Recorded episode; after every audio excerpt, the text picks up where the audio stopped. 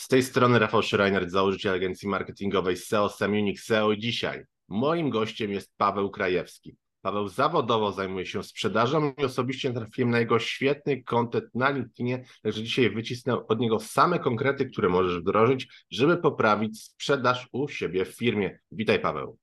Cześć, cześć Rafał, witam wszystkich.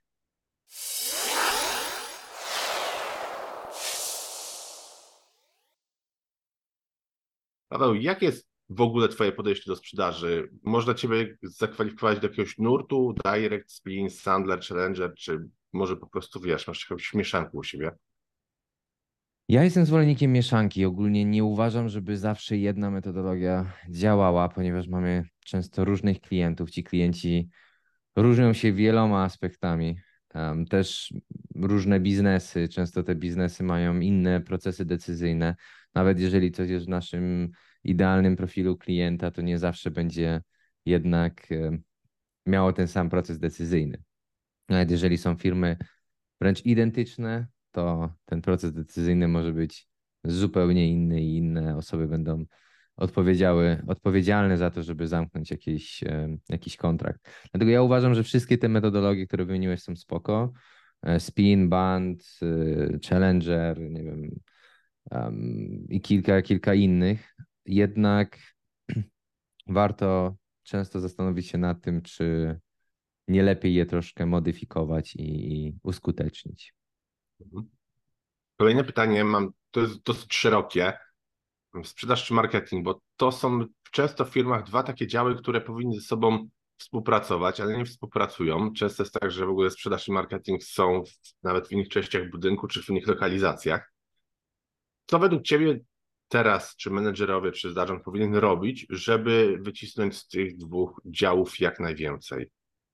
No to jest właśnie to, co powiedziałeś, współpraca. Bez współpracy nie jesteśmy w stanie mieć fajnie działających zespołów, bo zarówno marketing, jak i sprzedaż powinny ze sobą współpracować, powinny mocno polegać na sobie. Często ta sprzedaż idzie w parze z marketingiem, a marketing idzie w parze z sprzedażą, tak? Czyli jeżeli robimy jakiś content, tworzymy ten content często po to, żeby nie tylko był e, brand recognition, czyli ta rozpoznawalność marki, ale również po to, żeby w jakiś sposób generować lidy, tak? Zawsze się tam znajdzie jakiś um, CTA, zawsze się znajdzie jakaś możliwość do tego, żeby zostawić swoje dane, czyli żeby ten lead generation cały, cały czas pracował. I to jest kluczowe, żeby zarówno marketing, jak i sprzedaż ze sobą współpracowały na wielu obszarach. Ja nie mówię tutaj tylko o procesowych obszarach, czyli że jeżeli dostajemy lidy od marketingu, to trzeba je obrabiać, bo to jest oczywiście kluczowe i bez tego no, nie możemy działać. Nie ma sensu przepalać pieniędzy, które zostały zużyte przez marketing na to, żeby nie obrabiać tych lidów. No, to jest za drogie. Jasne. Na pewno sam marketing powinien też dobrze działać, czyli też powinien mieć swoje procesy lead nurturingowe, czyli taką edukację klienta, podgrzewanie tego klienta, nawet jeżeli on nie jest gotowy w tym momencie, żeby rozmawiać z działem sprzedażowym, to różnymi treści, różne treści marketingowe, różne um, wabiki, to, to wszystko powoduje, że później ten lead się podgrzewa i może przejść do działu handlowego i dział handlowy może się takim leadem zająć. Dlatego jeżeli patrzyłbym przez pryzmat firmy, to patrzyłbym przez pryzmat tego, że marketing i sprzedaż muszą bardzo mocno ze sobą współpracować. Bo po pierwsze, często sprzedawcy potrzebują różnych asetów, tak? Czyli potrzebują jakichś materiałów e, sprzedażowych, e, tak zwanych one-pagerów, i to stworzy im tylko i wyłącznie marketing. Jeżeli oni wezmą sami, bo często widziałem, że sprzedawca brał i sam tworzył taką rzecz, to to wyglądało wręcz fatalnie. Naprawdę to wyglądało bardzo źle. Dlatego warto, żeby ta współpraca z marketingiem była dobra, żeby marketing mógł to wrzucić do swojego pipeline'u, żeby mogli sobie to odpowiednio zaplanować, następnie zaprojektować i podesłać do działu sprzedaży. I to samo działa w drugą stronę. Jeżeli sprzedawcy czy, nie wiem, partnership managerowie znajdują potencjalnych klientów lub potencjalnych partnerów, umawiają, nie wiem, nawet wspólny webinar, czyli firma z firmą, no to nie może tego sama sprzedaż do, dokończyć. To musi być również cały ten lejek, cały ten flow zrobiony wspólnie z marketingiem. Więc to jest ogromnie ważne, aby zarówno marketing, jak i sprzedaż ze sobą współpracowały, a jeszcze ważniejsze jest to, żeby wydzielić osobę od marketingu i wydzielić osobę od, od sprzedaży, czyli w moim odczuciu nie powinno się łączyć tych dwóch roli, czyli nie powinien być dyrektor sprzedaży i marketingu, tylko powinien być osobno dyrektor sprzedaży, osobno dyrektor marketingu. Bo jeżeli połączymy te dwa kompletnie inne obszary, wiadomo, że one są ze sobą powiązane, są zdecydowanie inne i wymagają innych kompetencji i skilli, to może wyjść bardzo zła mieszanka, jeżeli mamy jedną osobę odpowiedzialną za, za oba te obszary. Mhm. To jeśli chodzi o tworzenie tego kontentu pod lead nurturing czy mm, edukację, edutainment tego klienta, tego podgrzewanie tego lida, to ja też często obserwuję, że tam nie ma tej komunikacji na zasadzie marketing robi, co im się wydaje, że jest dobre dla klienta, ale sprzedaż ma zupełnie inny feedback, że klienci przychodzą z innymi obiekcjami do nich. A marketing robi wtedy materiały lead, nurturingowe zupełnie o czymś innym. Wiesz, niby jest ten lead nurturing, ale on nie edukuje w tych podstawowych kwestiach, czy nie rozbija tych podstawowych obiekcji, które później lead ma na spotkaniu z handlowcem. No ale to jest właśnie, tutaj cały czas mówimy o tej komunikacji, że tego nie ma. Jak ktoś nas słucha, no to polecam sobie to wynotować, bo mogę się założyć, że ponad 90% osób, które nas słucha i pracuje w firmach wielkości typu, że już te dwa działy są oddzielne, że to nie jest tak, że jedna osoba robi marketing i obdzwania, to na bank jest tak, że tego feedbacku nie ma i sprzedaż nie mówi marketingowi, co dokładnie trzeba robić, a marketing się tam po prostu nie pyta i ta komunikacja siedzi. Gotowy rozwinąć swój biznes z Unix SEO? Przyśpiesz i wrzuć wyższy bieg. Bez znaczenia, czy prowadzisz duży e-commerce, czy lokalną firmę usługową. Za pomocą Google Ads, kampanii social media, w tym Facebook, LinkedIn, TikTok, Instagram i innych, a także pozycjonując organicznie w wyszukiwarkach, Unix SEO jest w stanie regularnie dowozić Tobie nowych klientów. Podejmij współpracę z najlepszym partnerem już teraz. Wejdź na unixseo.pl i wypełnij formularz. Tak, no tutaj jedna... komunikacja, tak jak mówisz, komunikacja powinna być kluczem i nie tylko komunikacja, ale też y, cała strategia firmy powinna być kluczem, strategia produktu, coś nad czym każda firma powinna pracować, powinna dostarczyć, ponieważ bez tego często właśnie są różnego rodzaju problemy. Nie wiemy, kto jest naszym idealnym klientem, jak powinniśmy adresować nasz, y, nasze rozwiązanie do tych klientów, jakie oni mają problemy, z czym się borykają jeżeli marketing i sprzedaż mówią tym samym językiem, no to wtedy sukces jest gwarantowany. Mhm.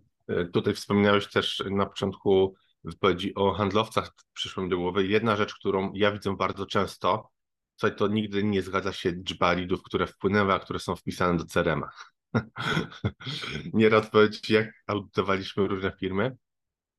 tak jak mówię, no nieraz jeszcze ja działam w tych szkoleniach sprzedaży.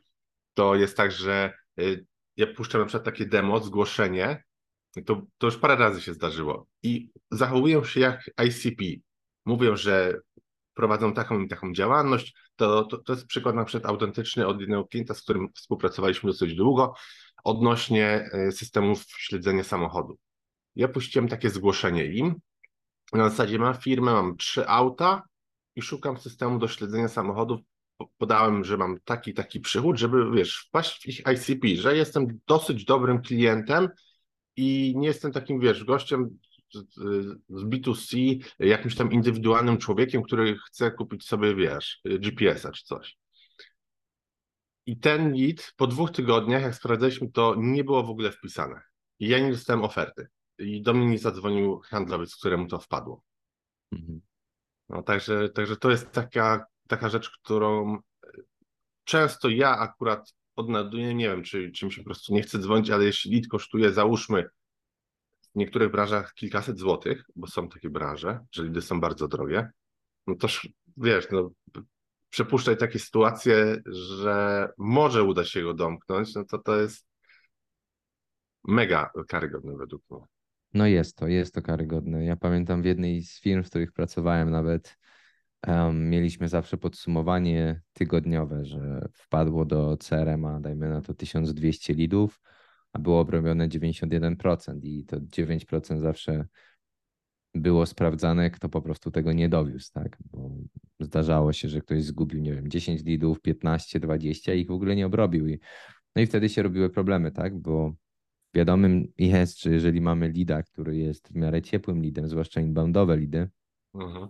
To najlepszy czas reakcji to jest do 5 minut i, i tam Tak. jest największy, em, największy wskaźnik su sukcesu, jeśli chodzi o podjęcie takiej rozmowy z potencjalnym klientem. Z wielu, z wielu czynników. Po pierwsze, po pierwsze, jeżeli ktoś patrzy na nasze rozwiązanie, dajmy na to, nie wiem, na naszego trackera, volume tracker, to prawdopodobnie nie patrzy tylko na nasze rozwiązanie, tylko na trzy inne. Jeżeli my pierwsi podniesiemy ten telefon, zadzwonimy do tego, dajmy na to Rafała, który w tym momencie patrzy na trackera, to jesteśmy w stanie po pierwsze zakotwiczyć im myśl tego volume trackera, po drugie s- sprawić, że ten customer experience, to doświadczenie klienta będzie dla niego znacznie lepsze, ponieważ ktoś do niego zatelefonował, porozmawiał, zapytał, czego potrzebuje i od razu rozwiał wszelkie wątpliwości, albo po prostu powiedział, że ok, nie jesteśmy tym rozwiązaniem, którego szukasz, nie trać więcej czasu, idź do tego i tego partnera, z nim możesz rozmawiać, jak chcesz, mogę ci zrobić intro. W taki sposób na przykład my działamy, że staramy się zawsze jak najszybciej dostać do tego klienta i właśnie później szybko zweryfikować, czy jesteśmy w stanie odpowiedzieć na jego potrzeby, czy nie jesteśmy w stanie odpowiedzieć na potrzeby. Jeżeli nie jesteśmy, to mamy tak szeroką sieć partnerów, że bardzo często nasi BDR-zy wiedzą, że ok, możemy odesłać go do, nie wiem, do Everflow, możemy odesłać go do um, Apps Flyera, gdziekolwiek, tam, gdzie po prostu ta, um, ta, ta, ta osoba potrzebuje pomocy. Mhm. Na LinkedIn robisz sporo takich wstawek sprzedażowych, ciekawych wskazówek. Dajesz mega takie fajne tipy, że pamiętam jak na Ciebie trafiłem, to okej, dobra, facet zna się na sprzedaży, to nie jest y, content w stylu buduj relacje i wiesz, i piszesz o tym cały czas, bo to, co ja widzę na LinkedInie, to jest większość trenerów sprzedaży. Nie wiem, czy oni w ogóle jakieś doświadczenie mają, znaczy no może mają, jeśli chodzi o lata, ale to jest często takie, wiesz, pisanie o tym, co wyczytasz w książce Briana Tracy, czyli coś, co de facto, jak coś jest, że tak powiem, w cudzysłowie ogarnięty, to przeczytał to mając 18 lat y, y, i, wyczytał to właśnie w książkach Briana Tracy czy kogoś innego. Ale y, ty wchodzisz tak, wiesz, bardziej w, w tą rozmowę, w te tipy, w te szczegóły. Tak ja widziałem, że a, bo to jest ten z Challengerem kiedyś pisały, że nawiązywałeś relacje, a to odnośnie właśnie tego, pamiętam też jedną rzecz, że zwiększyłeś swoje wyniki, kiedy przestałeś mówić mniej, a więcej mówił klient. To jest takie, wiesz, to są takie tipy, które naprawdę e, przemawiają, to tak samo jak coś, o czym wie mało handlowców, ale na przykład jak podasz cenę, no to masz siedzieć cicho. I dopiero klient ma y, zacząć o tym mówić. To jest też coś, o czym mówi się rzadko. a To jest taki, wiesz, taki insight, który, no, który, który w miarę wiedzą takie kocury, które już przerobiły. To gdybyś miał podać takie, wiesz, widełki, jak zaplanować sobie przebieg takiej rozmowy sprzedażowej, to jak według Ciebie wygląda taki idealny szablon? Znaczy, według mnie nie ma idealnego szablonu. Okej, to, to, to też się, zgadzam. Bo to jest tak, wiesz, no tak jak powiedziałem na początku, każdy klient jest inny i my też musimy jako handlowcy często się dostosować do tego, Tak. kogo mamy po drugiej stronie, zwłaszcza jeżeli dochodzi później do jakiejś głębszej rozmowy, negocjacji, coś w tym stylu. Na pewno ja polecam każdemu, z kim rozmawiam, żeby nie tracić czasu na swoją platformę.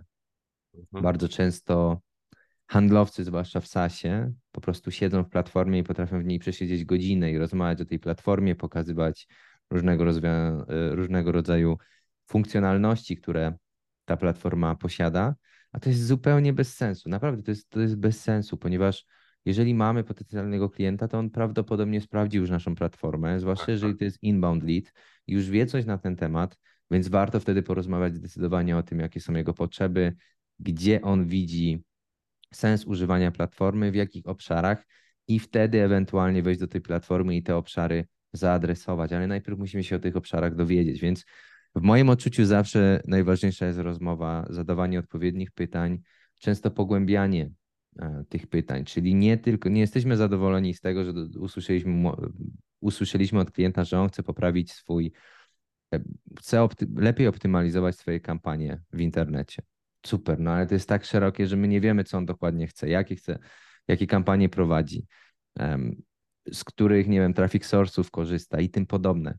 Więc my musimy robić zawsze te tak zwane follow-up questions, które pogłębiają ten temat, dowiedzieć się, ok, to które kampanie chciałbyś poprawić, jak, jak tworzysz te kampanie, jak dokładnie wygląda twój lejek sprzedażowy. Niech on opowie troszkę więcej, bo jeżeli on opowie nam więcej, my mamy więcej informacji, więcej szczegółów, do których możemy się odnieść później. No i kolejna kwestia, którą uczę naprawdę każdego ze sprzedawców, z którym współpracuję, czyli nie mówię o cenniku. Ja nie zostawiam cennika nigdy na sam koniec. U mnie cena rozwiązania pojawia się w zależności od rozmowy, oczywiście, ale pojawia się dosyć szybko. I to nie jest tak, że ja powiem, że rozwiązanie kosztuje zgodnie z cennikiem 999 dolarów, czy kosztuje 9999 dolarów. Nie, nigdy w tym stylu nie działam. Zawsze staram się znaleźć na przykład jakiś problem. Ten mhm. problem staram się przekształcić na pieniądze. Czyli jeżeli ktoś mówi, że w tym momencie optymalizuje swoje kampanie typowo manualnie, czyli robi to w Excelu, zbiera wszystkie dane, nie wiem, z Analyticsa, zbiera e, dane z innych, różnych innych paneli, na przykład nie wiem, z Tabuli, z Outbraina i wszystko to ma w spreadsheetie, to po prostu zadaje pytanie, ok, a ile mniej więcej czasu spędzasz na przes przesunięciu tych danych do mhm. tego spreadsheeta, wyciągnięciu tych danych i analizowania tych danych tam właśnie w tym spreadsheetie. No i ktoś mówi, nie wiem, godzinę dziennie. A ilu macie media buyerów? No mamy 10 media, media buyerów. Ilu, ile im płacicie średnio za godzinę? No około 50 dolarów. No to już mamy ogrom informacji, które możemy sobie później, że tak powiem, zrobić wspólną matematykę i to też bardzo fajnie działa. Ja bardzo często mówię, OK, to może zrobimy sobie teraz wspólne wyliczenia. No i robimy sobie wspólne wyliczenia, no i wychodzi, nie wiem, 500 dolarów dziennie, że e, mhm. firma przeznacza na to, że jej media bajerzy ręcznie raportują wszystko, ręcznie optymalizują wszystkie kampanie. 500 dolarów dziennie, jak sobie to pomnożymy razy 30 dni, bo przeważnie media bajerzy jednak pracują codziennie, tak, tak. bo jednak no, to jest taki, taki zawód, to są ogromne pieniądze, tak? I wtedy mi jest łatwiej powiedzieć, OK, koszt rozwiązania tych problemów, o których mówimy, mieści się w granicach od tych 10 tysięcy dolarów e, rocznie do 35 tysięcy dolarów rocznie, gdzie widzicie siebie inwestujących w to rozwiązanie. No i, wiesz, i to, to działa magię często, bo po pierwsze klient najpierw zobaczył, że oni miesięcznie tracą między powiedzmy 10 tysięcy dolarów, ok, a koszt rozwiązania tych problemów jest od 10 do 35 tysięcy. On sobie policzy, ok, skoro ja tracę 10 tysięcy miesięcznie, to tracę 120 tysięcy dolarów rocznie. Jeżeli ja za rozwiązanie mam zapłacić około 20 tysięcy dolarów rocznie, to mi zostaje stówka w kieszeni. Mhm. Wtedy to nie jest patrzenie na tą platformę jako koszt, dodatkowy koszt rozwiązania tych problemów, to jest patrzenie na to jako inwestycja.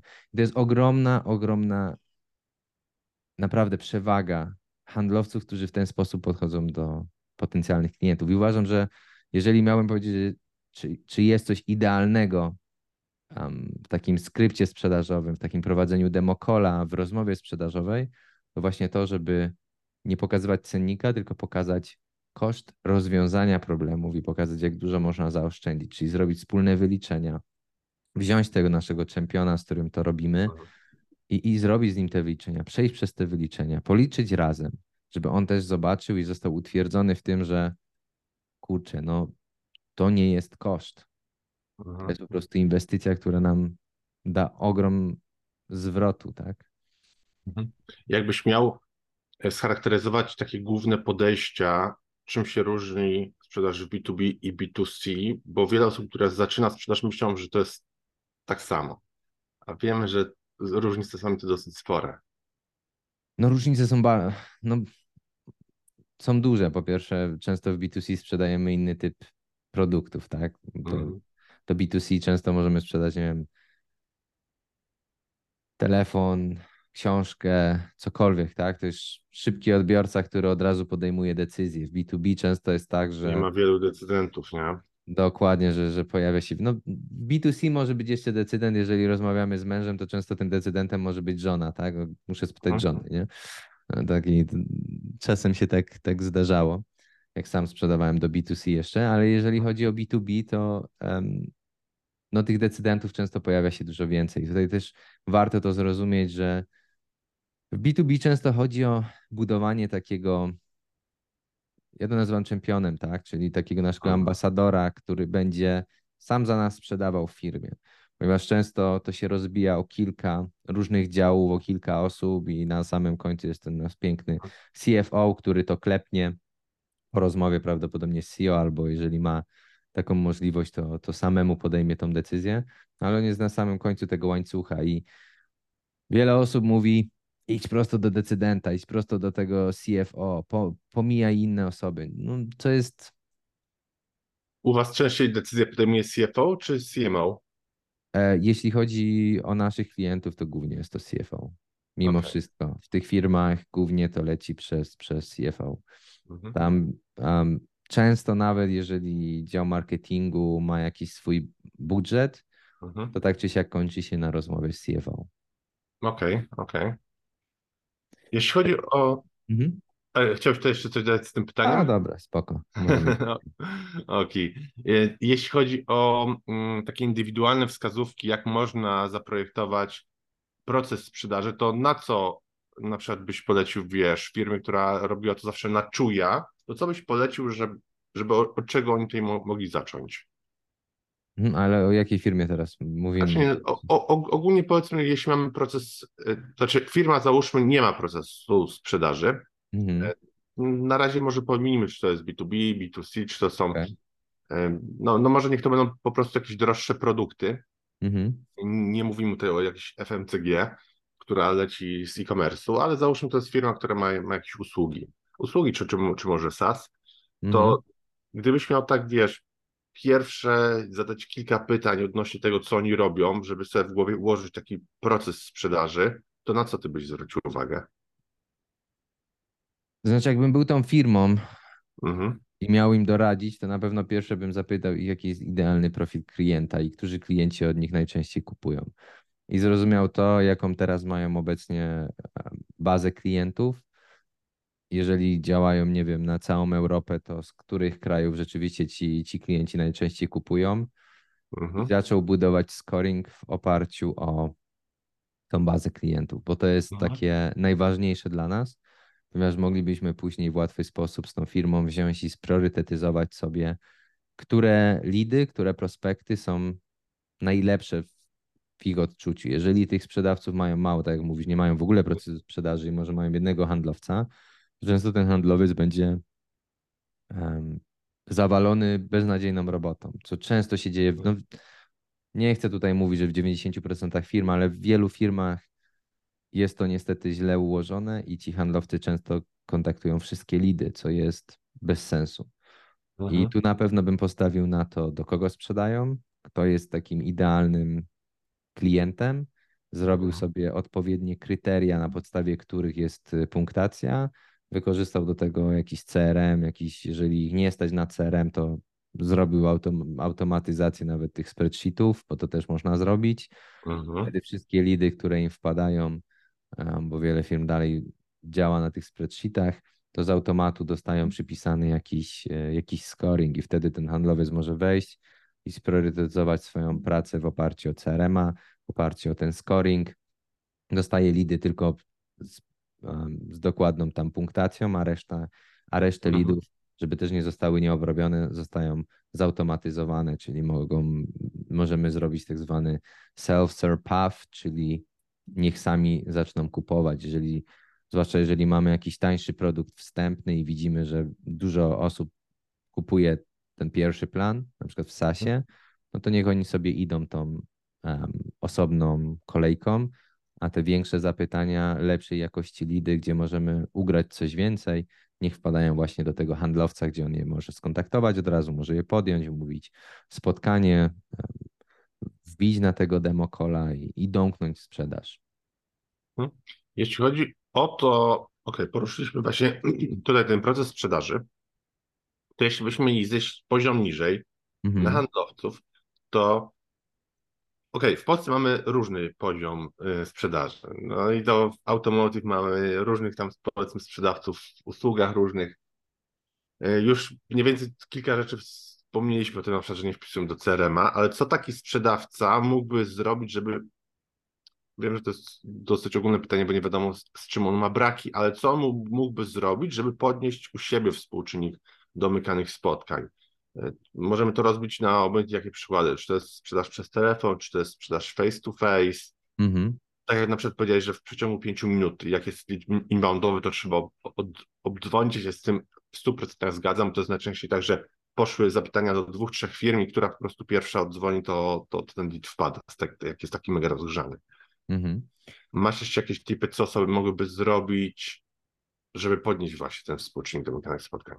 Mhm, jasne. No, na pewno mhm, na pewno zastanowić się na tym, w jaki sposób rozmawiamy z tym klientem, czyli jaką mamy, jaki tembr głosu, w jaki sposób mówimy, czy jesteśmy bardzo nieśmiali na przykład dzwoniąc, bo często się to zdarza, tak? Czy mhm staramy się wyciągnąć dane jak bank, czyli nie wiem, mnie na przykład to strasznie irytuje i, i A, każdego okay. uczę w inny sposób, czyli tak jak banki dzwonią, to dzwonią dzień dobry i, wiesz, i, i czekają aż ty powiesz dzień dobry, słucham, halo i dopiero wtedy, a tutaj Paweł z Alior Banku dzwoni, nie? I to jest takie, dla mnie to jest takie, ok, już od razu mam czerwoną flagę, sobie myślę, oho, znów mi coś próbują wcisnąć, znów Le, Leci coś... ze skryptu. Dokładnie, leci ze skryptu. Nie, no trzeba się, trzeba się zastanowić. Na pewno trzeba być naturalnym, trzeba być, oprócz tych, tak jak powiedzieliśmy, pięciu minut, to trzeba potrafić rozmawiać z ludźmi i na dzień dobry powiedzieć, że dzwonię tutaj, ponieważ zobaczyłem, że zostawił pan, e, wypełnił pan formularz kontaktowy. Mhm. Czyli szczerze z tą drugą osobą, tak? Zwłaszcza, że to jest, no, to jest inbound, no to jest dużo łatwiej niż jakbyśmy outbound robili, gdzie to my próbujemy, że tak powiem, namówić kogoś na to, tak, żeby ta osoba e, skorzystała z naszych usług, a ta osoba sama wypełniła i sama chce, chce coś więcej się dowiedzieć na ten temat, ewentualnie porozmawiać. Więc 5 minut, bycie szczerym, na pewno bycie osobą, która jest otwarta, która też e, mhm. otwarcie będzie rozmawiała z tą, z tą osobą po drugiej stronie i też zwracała uwagę na to, w jaki sposób mówi, jak mówi, czy mówi za szybko, czy mówi za wolno, czy się uśmiecha, bo to też jest bardzo ważne, się uśmiechać. Nie można być, wiadomo, takim super podekscytowanym, Aha, nie? Bo to też... Nie będziesz odebrany takie... jako profesjonalista.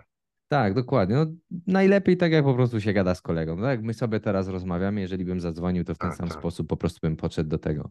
Czyli tak samo bym zadzwonił, powiedział, że tutaj jest Paweł z firmy Volume, widziałem, że zostawił pan, wypełnił pan formularz kontaktowy, no i chciałem się dowiedzieć, co, co więcej mogę tutaj od pana usłyszeć na temat tego i tego, nie? Tyle. Ja mam, ja mam tutaj podobne zdanie, jeśli chodzi o mm, ten taki raport z NLP czy, czy inne kwestie. No, według mnie najlepiej jest zachowywać się i czuć, jakby się rozmawiał ze znajomym. Na przykład według mnie w Polsce E, jest negatywnie mega odbierany taki styl sprzedaży Granta Cardone, że on próbuje po prostu wcisnąć i mm. od mhm. razu wiesz, cię punktuje. Taki mocno nieempatyczny styl. Mm, a mimo wszystko też zawsze miałem najlepsze efekty, jeśli chodzi o sprzedaż, kiedy to było, wiesz, tak, na ludzie, tak jakbym rozmawiał z kimś, kogo dobrze znam.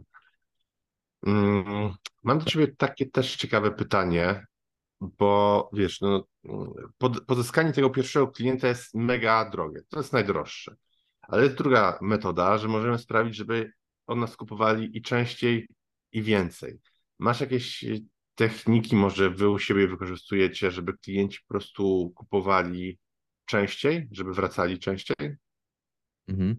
Wiesz co, u nas y, działa to w ten sposób, że my często obecnych klientów staramy się przekonać, żeby polecali nasze rozwiązanie swoim znajomym i to jest dużo, dużo prostsze, ponieważ jeżeli masz już klienta, to wiadomo, że jeżeli ten klient odejdzie, to dużo um, łatwiej jest go z powrotem pozyskać, niż jakby pozyskać całkowicie nowego klienta, tak? Czyli ta, ta mhm. relacja na pewno to, zwłaszcza, że też my mamy produkt, który często ma sezonowość, tak? Czyli ktoś może mhm. prowadzić kampanię w tym momencie, ale później mrozi wszystkie kampanie na trzy miesiące, no i po co ma płacić subskrypcję, przestaje przestaje e, płacić za tą subskrypcję i wraca po trzech miesiącach znów na, na 6-9 miesięcy i tak w kółko, tak? Mhm. Więc no w naszym przypadku jest to troszkę łatwiej, ale jeżeli chodzi o nas, to również mamy różnego rodzaju jakieś e, zachęty dla, dla klientów do tego, żeby polecali nasze rozwiązanie swoim znajomym. Um, I często łatwiej dla firmy jest wykorzystać obecnych klientów, obecną bazę klientów do tego, żeby zwiększać tą bazę o kolejnych klientów. I nie trzeba tego robić wykorzystując do tego sprzedawców, bo oni mają swoją robotę i swój kawałek, e, że tak powiem, procesu i chleba do, do przyniesienia większej ilości klientów, mhm. ale można wykorzystać bazę klientów do tego właśnie, żeby oni sami generowali jakieś intra, żeby przedstawiali cię do, do swoich e, znajomych z branży. Nie wiem, można zrobić różnego rodzaju um, programy afiliackie, czy nawet, nie wiem, pieniądze za przedstawienie do kolejnej osoby, która jeżeli zostanie klientem, to ty dostaniesz z tego pieniądze, tak? Mhm. To jest mnóstwo różnych, różnych możliwości, żeby po prostu z bazy klientów um, czerpać kolejnych klientów. Mhm, mhm. Według ciebie, jakbyś miał spojrzeć z perspektywy klienta, to jest takie ciekawe pytanie, które też zadałem Juriemu ostatnio. Jeśli jesteś handlowcem, chcesz zarobić jak najwięcej, to jaką strategię byś wybrał? Lecisz na masówkę, czyli szybkie telefony, czy ktoś jest zainteresowany i próbujesz od razu domykać, czy raczej byś y, kładł nacisk na relacje, czyli albo kupujesz teraz, nie zaprzątam sobie tobą głowy, dzwonią do kolejnego lida, czy wiesz, robisz follow-upy, długie rozmowy, jak myślisz, co, w którą stronę byś poszedł, gdybyś chciał dla siebie, jako dla, dla handlowca zdobyć jak największą prowizję? E, to ja ci powiem, którą drogą zawsze szedłem. I okay. zawsze mi się udawało zdobywać bardzo duże prowizje i zarabiać w swoim wieku bardzo duże pieniądze. Więc ja zawsze szedłem w sposób taki, że starałem się zrozumieć moje, IC, moje IPK po polsku, czyli idealny profil klienta. Jeżeli go zrozumiałem, to starałem się wybrać sobie listę 200-300 firm.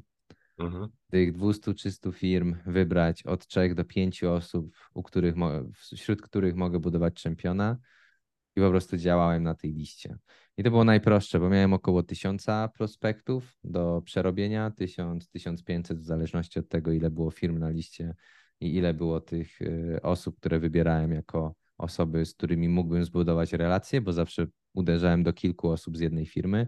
Nie robiłem no. czegoś takiego, jak że uderzam tylko do jednej osoby i tyle. I jak się nie uda, no to trudno. Hmm. No nie udało się. Mhm. Tylko po prostu miałem kilka osób w tym pipeline'ie Mhm. Czyli robiłem tak zwany um, account-based marketing, który bardzo fajnie zawsze mi działał. Byłem w tym mega skuteczny i dzięki temu mogłem, wiesz, zbudować sobie pipeline. Wiadomo, że to trwało troszeczkę. To był outbound w większości przypadków, więc wymagało to ode mnie wielu rzeczy, zaangażowania się, zobaczenia, gdzie ci ludzie jeżdżą na konferencje, na których konferencjach się pojawiają. Później, jeżeli miałem taką możliwość, jeżeli firma mi mogła tam wysłać, to rzeczywiście um, leciałem i, i, spotykałem się z tymi ludźmi na tych konferencjach. No, w ten sposób zawsze działałem, ten, ten sposób mi przynosił dużo pieniędzy. Czy to była masówka? Teoretycznie nie. No nie, bo jeśli robisz taki Ale w praktyce robiłem jednak bardzo dużo tych akcji, tych akcji samych sprzedażowych, tych akcji takich, wiesz, budowania nawet tej relacji, to tego było bardzo dużo. To wymagało ode mnie też dobrze ustrukturyzowanego procesu, szczegółowego raportowania tego, co się dzieje. Wszystko trzymałem w CRM-ie. Jestem osobą, która wiele osób by mnie nazywało freakiem danych e, i dlatego zawsze sam na sobie wymagałem tego, żeby wszystko w CRM-ie, co raportuję, było zaraportowane odpowiednio, bo później mogłem spokojny, w fajny sposób zobaczyć cały swój funnel, jak to wygląda, gdzie robię jakiś błąd, gdzie mogę to poprawić, gdzie mogę coś polepszyć, gdzie zrobiłem za dużo, gdzie zrobiłem za mało, gdzie zrobiłem w sam raz. Nie? I na podstawie mhm. tego później działałem. Więc tutaj nie powiedziałbym, że taka masówka, o ten jest beznadziejny, to idę dalej jest dobra, ale powiedziałbym, że masówka, gdzie robimy to budowanie relacji, mamy strategię w głowie już i wiemy, w jaki sposób chcemy działać, że chcemy zbudować czempiona, że chcemy, żeby ta osoba później sama nas reprezentowała w, we własnej firmie i była jakby ambasadorem naszego produktu, orędownikiem tak zwanym, który będzie później um, pitchował sam swój management do Tak, tego, tak. żeby kupili ten produkt, bo personalnie go to dotyka. Jeżeli jego personalnie dotyka, to dotyka też kilka innych osób, które pracują na tym samym stanowisku. Mhm. To, wyma- to jest długi i długotrwały proces, jednak jest to mega skuteczny proces i, i naprawdę przynosi bardzo dużo pieniędzy, zwłaszcza jeżeli sprzedajemy rozwiązanie do jakichś, nie wiem, średnich e, firm. Już nie mówię o małych firmach, ale bardziej takich średnich firmach, czyli nie wiem, które zatrudniają 200 osób, 300, 400, to Mhm. naprawdę się sprawdza. Mhm. Czyli twoje podejście to było takie ABM marketing one to one, one to e, few, nie takie one to many, że wiesz, rzucasz do wszystkich C-level w firmie cold Nie, nie, broń Boże, nie zaczynałem, nie zaczynałem od C-levelu. Uważałem, Okej. że em, najłatwiej jest dotknąć osoby, które personalnie na tym zyskają. Czyli nie management, który zyska finansowo, bo on dopiero na sam koniec zobaczy. z tym. Proszę? Osoba, która z tym pracuje. Dokładnie, osoba, która z tym pracuje. Czyli nie wiem, jakiś um, team lead, który ma. No, podam na przykładzie tutaj Voluma, tak? Jeżeli mamy um, head of acquisition, który ma swoich media buyerów, to ja wiem, Mhm. że dla niego to będzie ogromna wartość. Po pierwsze, wszyscy jego media buyerzy będą wszystko robili w volumie, więc on będzie widział wszystkie dane tych media buyerów. Po Mhm. drugie, e, jego media buyerzy, oni ogromny przeskok zobaczą swojej pracy, bo dużo łatwiej będzie im optymalizować kampanię, dużo łatwiej będzie im zmniejszać koszt y, leada na przykład za wygenerowanie leada zamiast płacić, nie wiem, te, te, te 100 zł, będą płacili 80 albo 70 zł. I, i, I po trzecie też zaoszczędzą mnóstwo czasu, więc dotykam wtedy zarówno tego, em, zarówno tego team leada, jak i tych media buyerów, czyli z nich robię sobie po prostu takich swoich czempionów. I oni później się nagle, wiesz, synchronizują razem, rozmawiają, o widziałem fajną platformę, Mhm. Volume, na przykład media buyer mówi do tego team leada. I on, o, o Volume, no ja słyszałem o tym, też rozmawiałem kiedyś z kimś Voluma. I to już wtedy jest, wiesz, zakotwiczenie tego naszego produktu, oni zaczynają o tym wewnętrznie rozmawiać, sami zaczynają mówić, że fajnie było to może skorzystać z tego, przetestować, wdrożyć, no i to później już idzie samo dalej, bo oni sami to pchają do góry. To trochę nawiązałeś do e, PLG, Product Led Growth, czyli wiesz, jak, jak teraz firmy zmieniły swoje podejście, kiedyś było tak, takie podejście, wiesz, lata 80., 90., że decydentem był e, C-level i to oni wybierali soft do firmy na zasadzie, który będzie nie najtańszy, najbardziej efektywny i tak dalej, a z tą koncepcją PLG to już wybierają userzy w firmie i dopiero przesyłają, hej, to jest fajne, weźcie nam to kupcie. Czyli Tak, mniej no. więcej w tym stylu. No tym tak, tak. Myślę, myślę że, że ma to sens, co, co teraz powiedziałeś, że na pewno tak to może, może działać. No ja tak od początku mojej kariery działam i to się sprawdza. Próbowałem też kilka innych e, rozwiązań, które się nie sprawdzały. To Mhm. mi się zawsze sprawdzało i jak nawet mam handlowców, którzy w ten sposób działają, to też widzą, że jest to bardzo, bardzo skuteczne. Jeśli chodzi o IBM Marketing w Twoim wykonaniu, to jakie tule najczęściej używałeś? LinkedIn plus Sales Navigator, czy coś zupełnie innego? Różnie, wiesz, różnie. To jest, y, tych tuli jest bardzo dużo. Na pewno LinkedIn, Sales Navigator też wchodzi. Lubię używać Apollo, lubię używać Woodpeckera. No jest tych tuli ogrom na rynku, które pozwolą ci zrobić tą, tą listę odpowiednią, odpowiednie osoby wybrać, później zebrać odpowiednie dane do tych osób, wiadomo. Później to Tak. wszystko zebrać w CRM-ie. Teraz e, wiadomo, jest troszkę ciężej przez GDPR, więc musimy mieć zgody, żeby gdzieś przechowywać te e, dane tych osób. No ale swego czasu zawsze to było w CRM-ie i, i było dobrze ustrukturyzowane. Wiedziałem, oczywiście te osoby były zawsze opt-outowane, żeby nie dostawały żadnej komunikacji mailowej, e, broń Boże, bo to już jest, wiesz, naruszenie jakichś tam e, praw. Mhm. Jeżeli sami kogoś wpisujemy w newsletter, a ta osoba tego nigdy nie, nie życzyła sobie. Mhm. Ale no tak, to tych tuli było bardzo dużo. Swego, swego czasu pamiętam, niestety tej wtyczki już em, nie ma. Kurczę, zapomniałem teraz w tym momencie, miałem ci powiedzieć, jak się nazywała. Wiem, że właśnie ją LinkedIn wykupił, ale też była bardzo fajna, pokazywała mi też czasów Sales Manager. Phantom? Nie.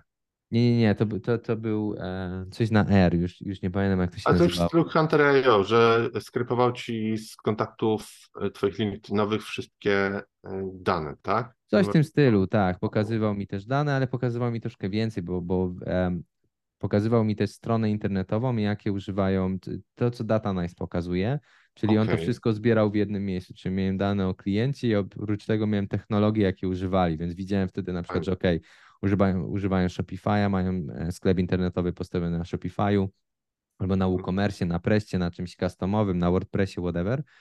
I wtedy, wiesz, miałem dużo łatwiejszą, dużo łatwiejszy pole manewru, bo wiedziałem, że na przykład e, produkt, który sprzedawałem, bardzo fajnie działał z Shopify'em, bardzo fajnie działał z WordPressem, e, troszkę gorzej sobie radził, nie wiem, tam e, z Wixem, więc Mhm. tych, co widziałem, że mają Wixa, to od razu autowałem, nie, nawet nie próbowałem robić tam żadnego um, approachu w stosunku do tych osób, tylko się skupiałem na tym moim. Tak, Wix to, to, to raczej jest taka klientela, powiedzmy sobie, mocno startowa. Tak, tak. No. Paweł, szerokie pytanie, ulubione techniki sprzedaży. Odpowiadasz na to pytanie jak, jak chcesz. Wiesz co, ja uważam, że każdy sprzedawca powinien bardzo dobrze radzić, radzić sobie z obiekcjami, ponieważ to leży u każdego ze sprzedawców. I to z Mhm. ręką na sercu mówię, że nie u każdego wiadomo, ale że u większości sprzedawców to leży i ta umiejętność jest ogromnie ważna. I ja sam zauważyłem kilka lat temu, jak zacząłem inaczej podchodzić do obiekcji, czyli starałem się je zrozumieć, troszkę zaadresować tak e, empatycznie w stosunku do mojego rozmówcy, to Mhm. nagle się okazywało, że okej, te obiekcje kryją pod sobą ogromne warstwy, ogromną Mhm. kopalnię wiedzy. I nawet jeżeli ktoś mi powiedział, Paweł, to rozwiązanie jest zdecydowanie za drogie, to ja nie zaczynałem już bronić, że nie, nie, no co ty gadasz? No, no Rafał, przecież no to jest super rozwiązanie, w tej Tak, cenie nie tak. znajdziesz nic takiego na rynku, no, no, no co ty w ogóle opowiadasz, nie? nie, nie za... no, dużo sprzedawców po prostu broni albo agresywnie wręcz reaguje na to, mówiąc, że nie, to jest najlepsze rozwiązanie, w tej cenie nic takiego pan nie, nie, nie uzyskasz, nie? A jak zacząłem robić w ten sposób, że sobie pauzowałem, dwie sekundy, przemyślałem sobie to, co powiem. Często lubię załagodzić, w załagodzeniu mówię, że po prostu dziękuję komuś, nie? Dziękuję za podzielenie się tą informacją. No i co skłoniło, że tak właśnie myślisz?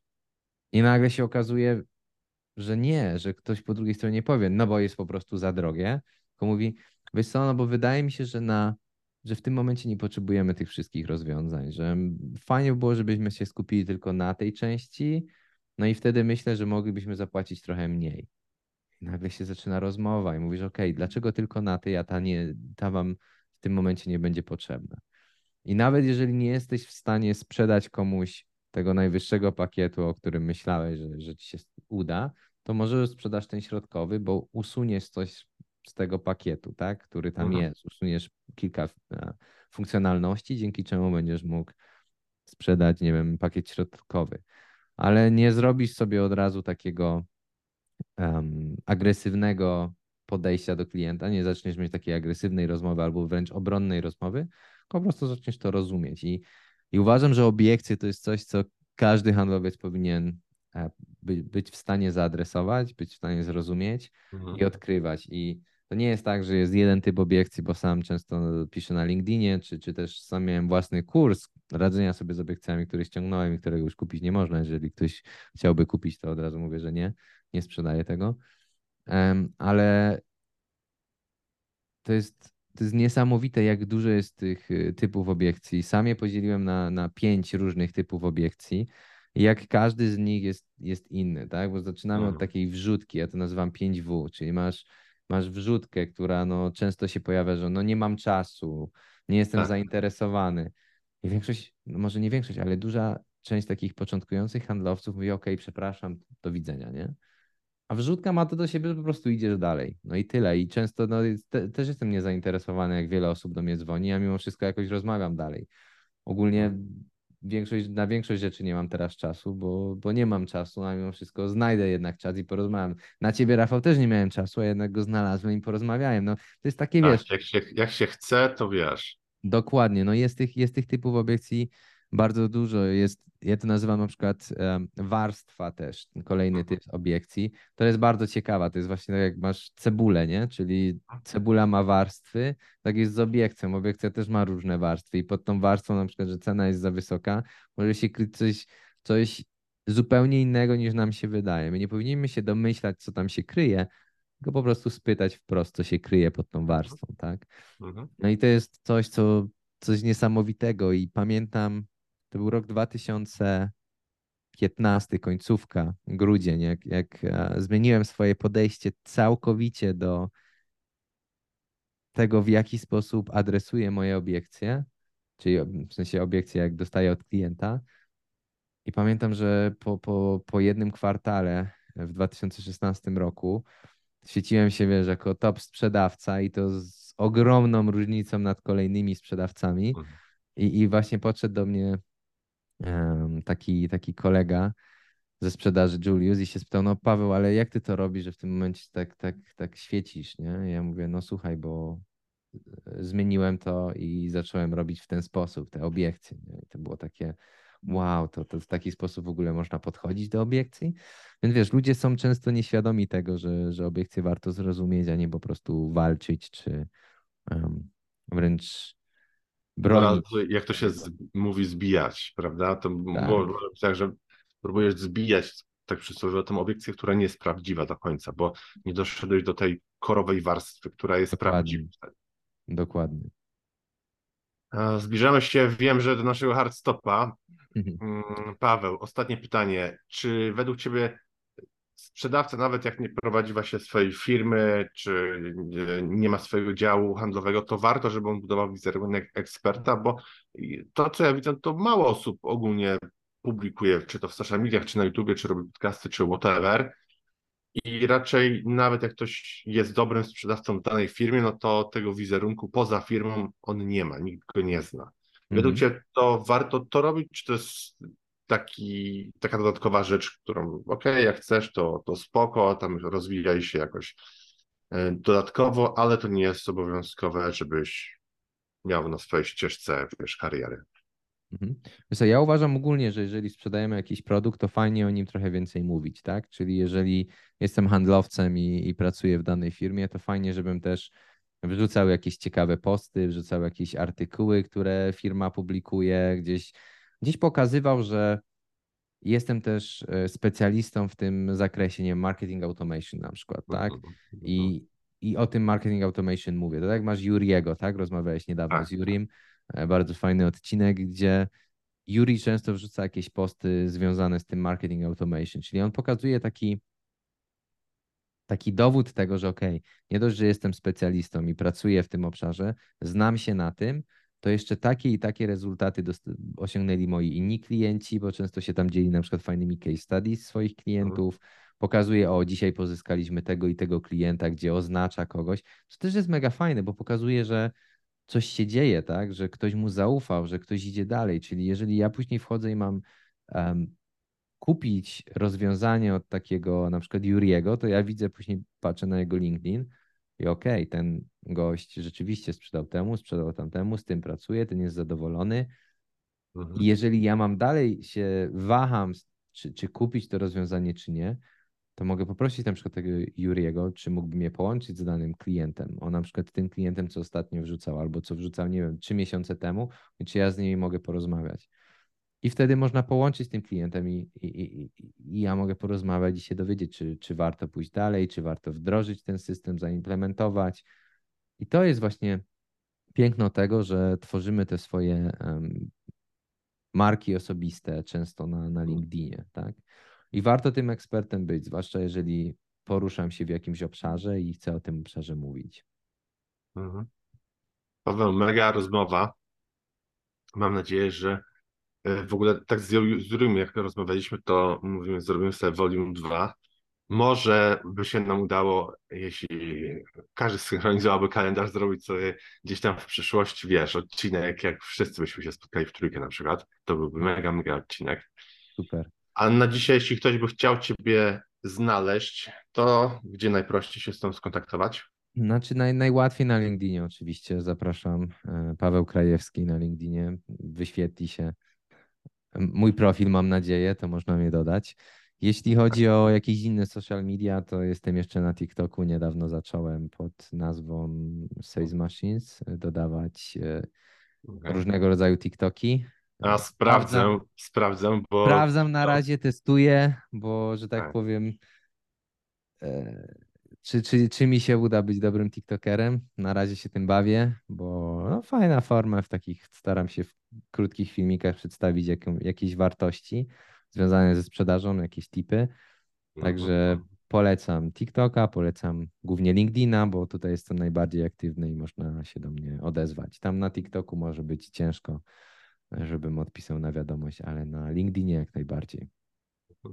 Paweł, jeszcze raz wielkie dzięki za rozmowę, a ja oczywiście zachęcam wszystkich, którzy słuchali, żeby udostępniali ten odcinek, bo Paweł dał tutaj od siebie mega kilka takich insightów y, z międzynarodowej firmy, jak to oni robią. Także udostępniajcie, szerujcie, subskrybujcie. Wszystkiego dobrego życzę. Dzięki wszystkim. Mam nadzieję, że odcinek się podobał. Dzięki Rafał. Hej. Hej, cześć. Hej! Mam nadzieję, że podobało Ci to wideo. Jeśli tak, to polajkuj i subskrybuj kanał, bo robimy takie filmy regularnie tutaj na YouTube. A jeśli masz pytania, to śmiało zadaj je w komentarzach na dole.